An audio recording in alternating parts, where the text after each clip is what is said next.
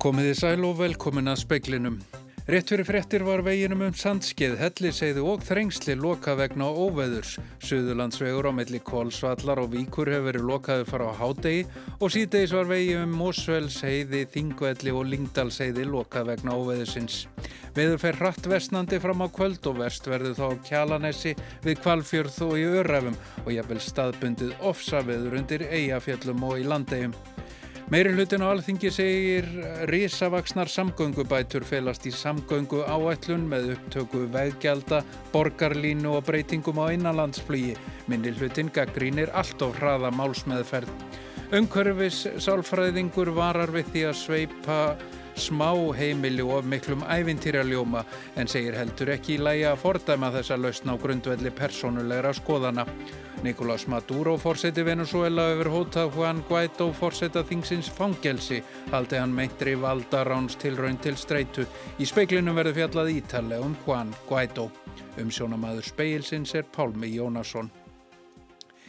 Veginum um Mósfellseiði, Þingvelli og Lingdalseiði var loka fyrir umferð síðdeis í dag vegna óveðurs og Suðurlandsvegur á melli Kvolsvallar og Víkur hefur verið lokaði frá því eftir hádegi og nú rétt fyrir frétti var lokað á Sandskeiði, Helliseiði og Þrengslum.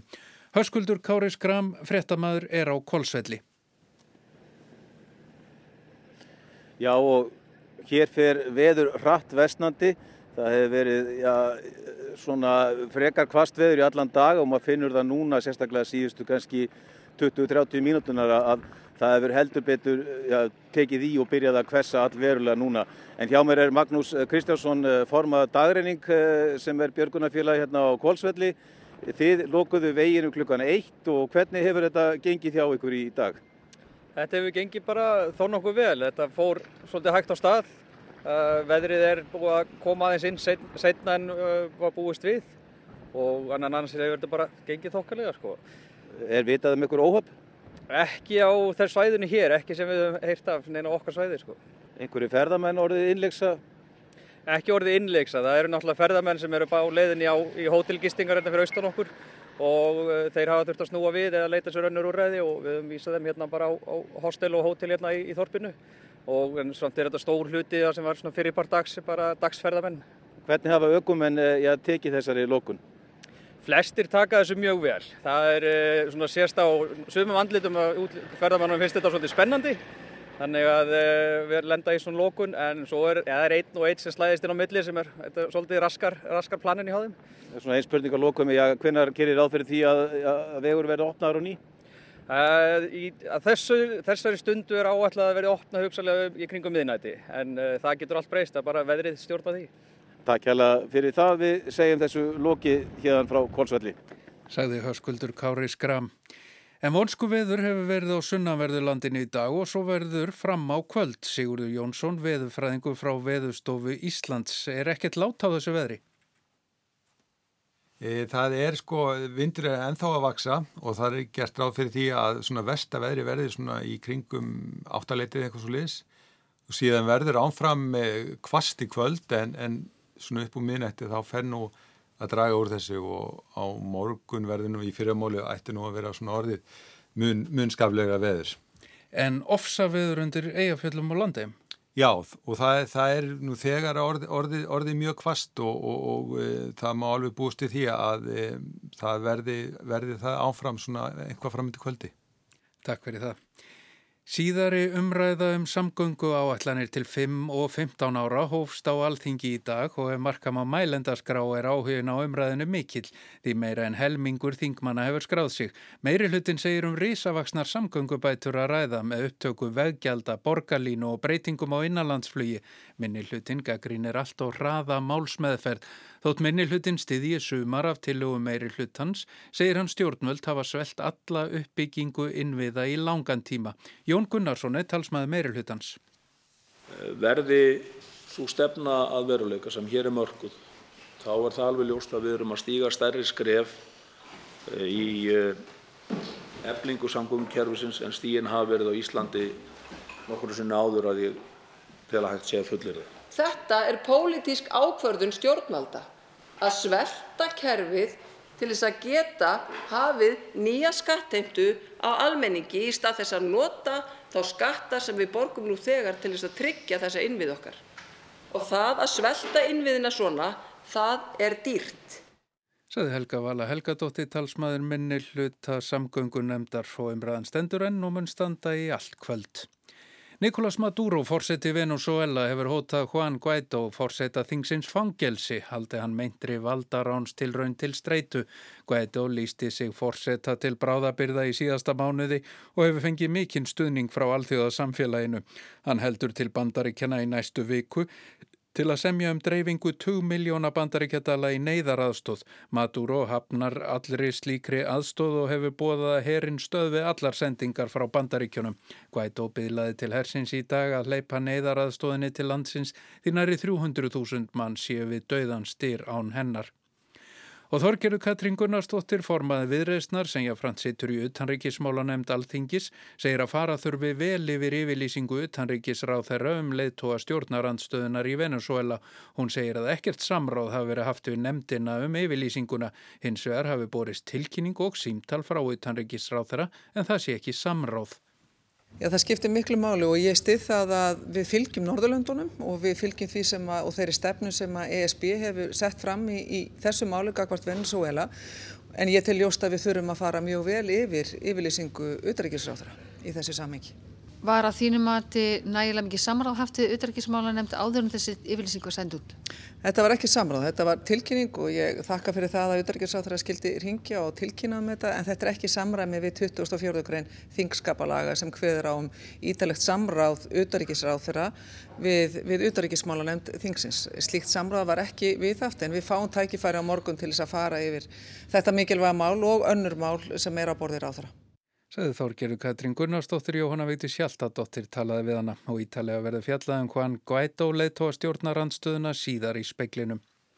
Bára Haldósdóttir sem tóku upp samtal 6 þingmanna á klöstri segist engu kvíða þó svo að upptökur verði byrtar af barnum og nágrenni hans kvöldi sem hún tóku upp samtalið.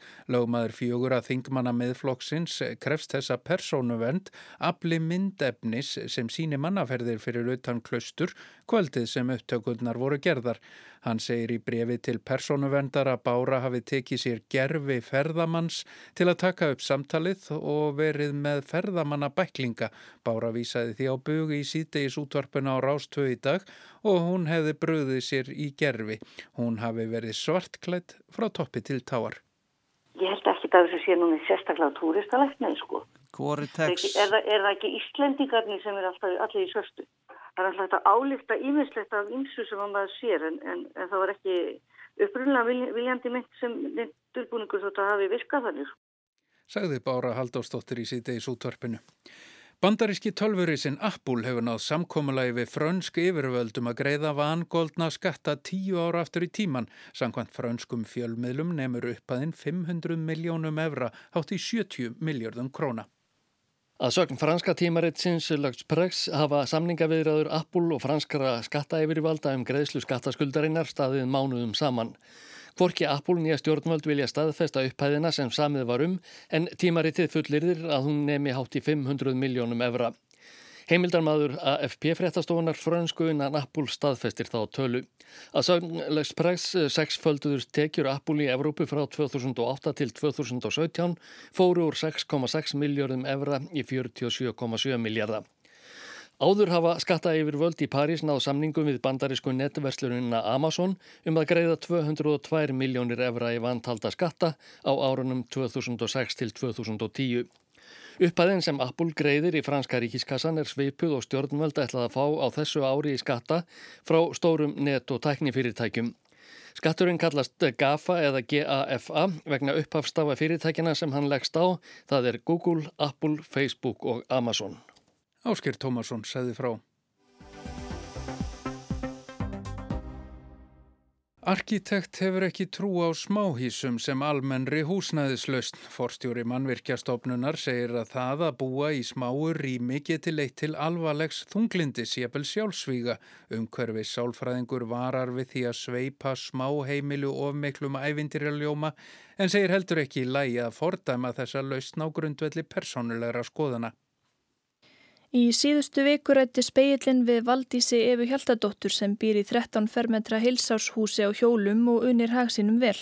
Ég hef nefnilega ekkert saknað neins bara í þess að fjóra mánuði sem ég er búin að búa hérna og það er alveg ótrúlegt hvað þessi 13 fermetrar rýma samt. Valdís er ekki einn, út í heimi hafa margir kosið sér þennan lífstil og á Íslandi virðast margir áhuga samir um hann þótt lóðaskortur og regluverk hafi staði í vegi fyrir því að fólk farið þessa leið. Smáheimili hafa oft yfir sér draumkendan blæ. Á Pinterest og Instagram er hægt að finna ógrinni af myndum af haganlega hönnuðum heimilum. Yfirleitt standaði einhver staðar á fallegum stað, innandir eru snjallar lusnir og hugulegheit í fyrrúmi og eigundurnir tala um frelsi. Frelsi frá því að greiða háa leigu, frá efnisegju og frá því að vera bundnir einhverjum ákveðnum stað. Smáhísabúseta er ekki gallalaus og sumir hafa opnað sig um ókosti hennar á netinu.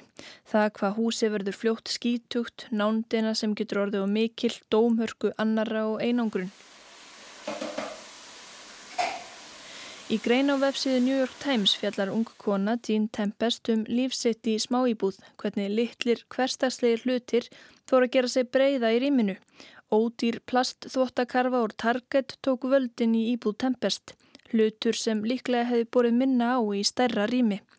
Lykt gæt líka verið til trafala. Eftir að Tempest brúnaði laug var lyktin viðlóðandi í marga daga og náðist sent úr íþróttatofnumennar. En hvað segja sérfræðingar? Líður fólki almennt vel í smáhísum? Er einhver takmörk fyrir því hversu þröngt er hægt að búa? Á djúbavogi er uppi vangaveltur um að koma upp smáhísabigð og fyrir nokkrum árum tók Pál Jakob Lindahl um hverfisálfræðingur þátt í umræðu um hversu lítil húsin í slíkri byggð getur verið. Og þar vorum við að ræða sko hvort að 20 fermetrar getur verið eitthvað sem að fólk geti hugnast en þá að það hefði aðstöðu sagt, í, í hérna, einhverju svona sameilu húsi. Þannig að það gæti farið út úr húsin og eitthvað annað á þess að, á þess að þurfa að vera gestkomandi á, á heimili annar staðar um, okkur sem voru tókum þátt í þessar umræðu, okkur fannst 20 fermetrar að vera ansi, ansi lítið.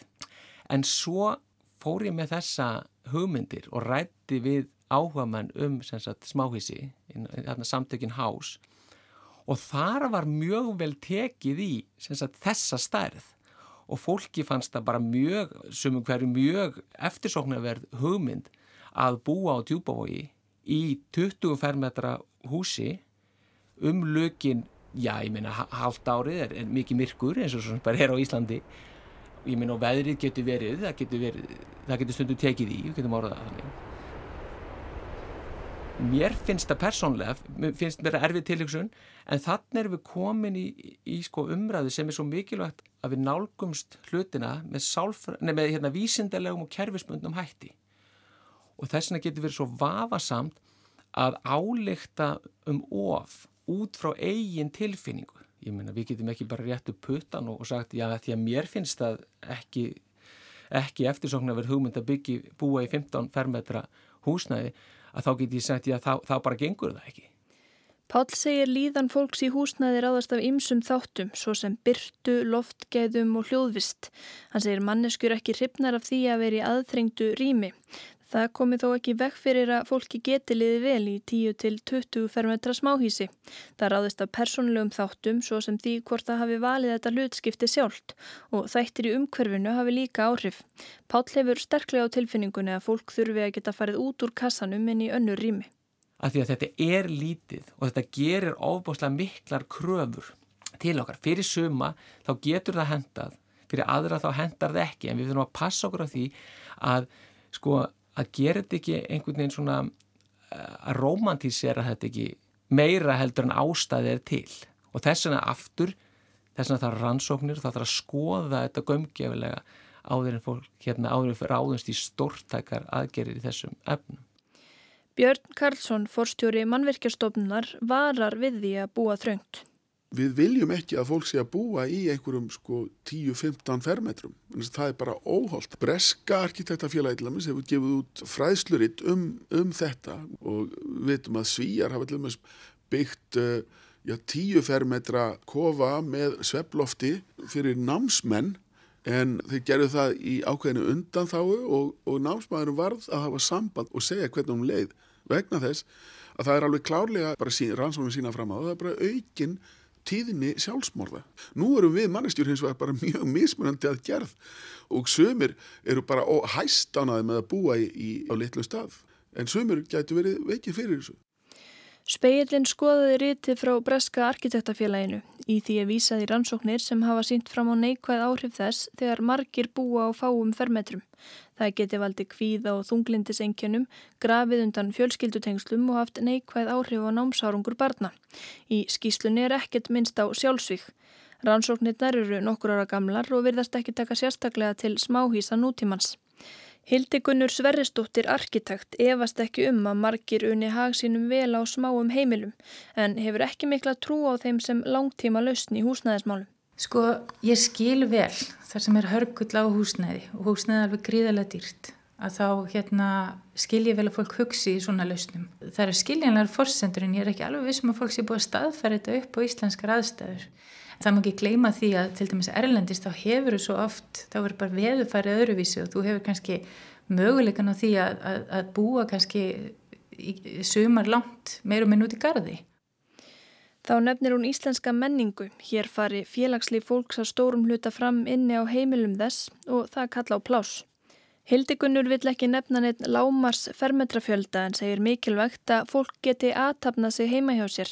Það séu lífskeiði í því fólkin að geta skipt um vistarverur, þurfi ekki að borða, sofa og taka múti fólki í sama rými. Þá skiptir miklu að geta verið í næði. Það sé til dæmis varhugavert að setja stærri fjölskyldur en í lítið rými. Ég sem arkitekt myndi miklu frekar vilja sjá sko, uppbyggingu góð sveianlegs húsnæðis Hún horfir til dæmis til deililausna, íbúðunar sjálfar getað verið litlar en þeim fylgir aðgangur að stærra sameigilugu rými svo sem eldhúsi eða setustofu líkt og týðkast ofta á stúdentagörðum eða öldrunarheimilum. Þannig uppfylli heimilið helstu þarfir bæði fyrir samveru og innveru. Arnildur Haldánadóttir segði frá.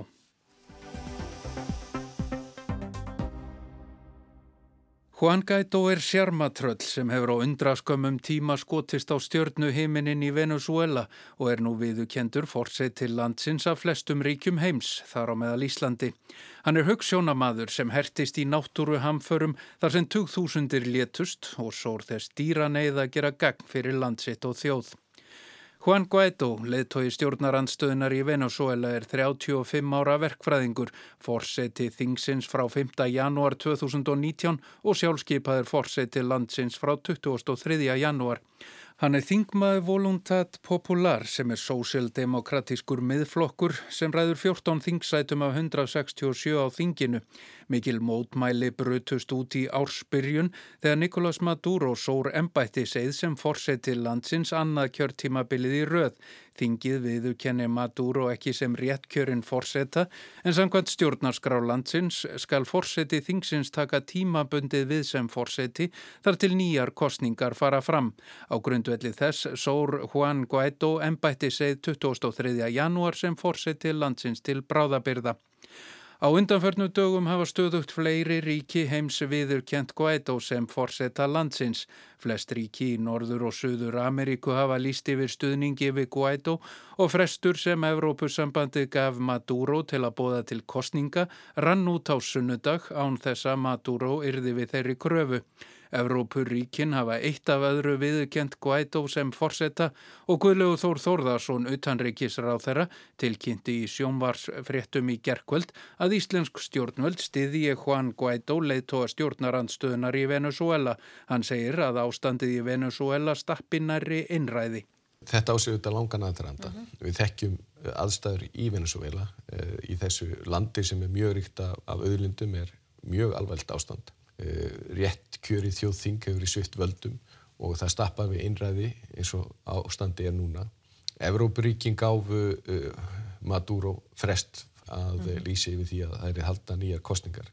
Hann varð ekki við því. Þannig að við erum á samt Norðurlöndunum og, og flestum þeim þjóðum sem við standa okkur næst að lýsi við stuðningi við, við Guaidó þanga til að nýjar kostningar verða. Juan Guaidó tilkynnti í gæra þingið hétti sakar uppgjöf öllum starfsmönnum lauröglu hers og stjórnvalda sem aðstóða við að koma lögum og reglum aftur á í landinu að undan skildum þeim sem hafi gerst sekir um glæpi gegn mannkinni. Samhliða kynnti hann áætlun til endurreysnar í landinu með áherslu á þá sem minnst megasín, neyðaraðstóð frá bandaríkjónum og fleiri löndum, endurheimt á banka inni staðum sem freistar hafa verið í bandaríkjónum og víðar og skipan nýra stjórnar erindreka. Guaidó segir að herin verði að velja á milli þess að styðja Maduro eða koma neyðaraðstóð til nöðstadra. Sjálfur sætir hann rannsókn yfirvalda, er í farbanni, eignir hans hafa verið fristar og fjölskylda hans sætir ofsóknum. Nicolás Maduro ræður enn flestum stjórnarskrifstofum, ríkistjórninni og virðisnjóta stuðnings hersins.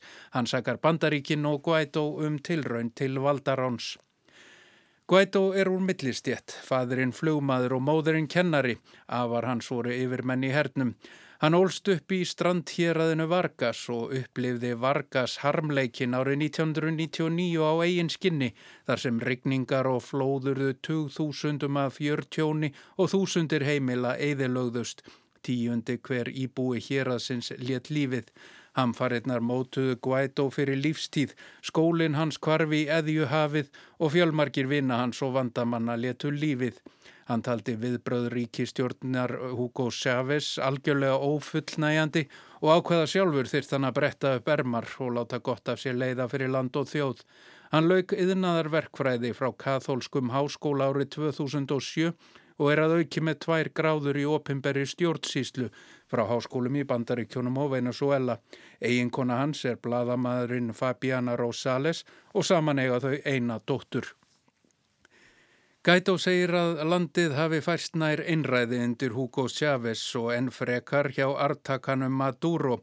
Hann var áberandi í mótmælum meðal annars gegn lokun ímissa fjölmiðla í landinu. Hann var einn stopnanda stjórnmálaflokksins Voluntat Popular árið 2009. Þetta er sósélista flokkur, þótt Guaidó sé sæður miðjumadur í pólitík og Maduro segja hann til hægri í stjórnmálum. Guaidó var krónprinsinn í flokknum undir stjórna Leopoldo López sem er í stofufangilsi. López skipaði Guaidó artaka sinn fyrir á þessu ári. Personutöfrar er það orð sem yðurlega nota til að lýsa Guaidó. Honum er þakkað það að hafa samin að stjórnar anstöðinni í landinu undir sinni fóristu. Verkfræðingurinn þykir að var hæfur brúar smiður sem hefur samin að stjórnar anstöðina en leitar ekki síður stuðningsjá yfirmönnum Hersins og stuðningsmönnum Maduros, Vesturveldunum, Kína og Rúslandi. Samherjar segja hann auðmjúkan, uppbyggilegan og einlagan baráttumann og stuðningsmenn og anstaðingar hafa oft líkt honum við Barack Obama, ímist til að lofa hann eða lasta. Mart í orðfæri hans og baráttu aðferðum verðast ega rætur að rekja til Obama. Aðrir segja hann eins og ungan Kennedy og enn aðrir að hann sé slóttugur hægri maður og tækifæri sinni. Guaidó var eitt þeirra stjórnmálamanna sem fóru í hungurverkvall til að knýja fram kostningar árið 2015. Tveimur árum síðar varð hann formaður fjárlaga nefndar þingsins og er nú óskoraður leittói stjórnarandstöðunar. Í þinginu hefur hann staðið að rannsókn spillingamála sem tengjast ríkistjórn Maduros og unni með alþjóðastofnunum að endurheimt stólina verðmæta þjóðarinnar á erlendri grundu. Sjálfur er hann rúnum ristur eftir að hafa verið skotin í hálsin með gummikúli í mótmælum árið 2017. Frelsi, jafnrétti og líðræði eru áberandi stefi í ræðuflutningi hans. Hann var kjörinn fórseti þingsins í desember, sór embætti segð 5. janúar og lísti sig fórseta til bráðabyrða 23. janúar. Stjórnaranstaðan hefur árum saman verið klófin í herðar niður en hefur saminast um Juan Guaidó. Guaidó hefur kynnt áætlunum endurist landsins í átta liðum þar sem koma á Maduro frá völdum, ná stöðuleika í landinu og bóða til nýra kostninga.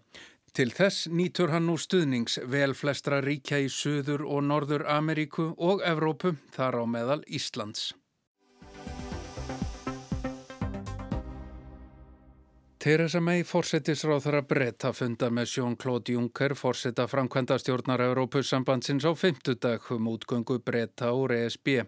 Hvað May hyggst bera upp er óljóst en breskir þingmenn og ráðherrar funda stíft í leita nýri samningsleit. Flest hefur verið reynd áður og útganga án samninga geti blasað við. Líkur aukast á að breyta reyni að fresta útgöngu en einni frestun þyrsti að hafa einhver tilgang og tímamörk. Það er áfram írska lausnin sem er Theresa May fórsatsraðra breyta fjötrum fót á leiðin úr Evrópusambandinu. Hindrunin er að annars vegar lofar May opnum landamærum millir Norður Írlands og Írlands. Hins vegar hefur May löngu hafnað tollabandalagi, einföldustu leiðinni til að halda landamærunum opnum og reyndar hafnar hún öllu sem minnir á slíkt bandalag. Í viðbót er það svo þrautavara ákvæði þetta sem í brexit umræðun í bresku kallast backstop. Þegar mei og forraðamenn ESB sömdu í vetur um útgöngu hafði ESB þegar kúvent í írsku lausninni. ESB vildi að tryggingu opina landamæra næði aðeins yfir Norður Írland sem í raun þýtti að þar gildi þá aðra reglur en annar staðar í Breitlandi.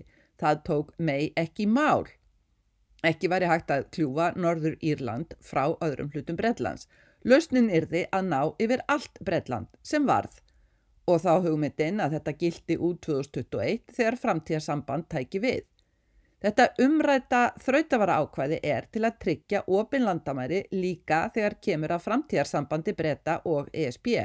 Ákvæðið á því að vera í gildi þar til bæði breytar og ESB samþykja eitthvað annað og þetta eitthvað annað þarf líka að tryggja ofin landamæri. Ákafir brexit sinnar segja óviðunandi að gildistímin sé ekki að þess að valdi breyta heldur einnig ESB.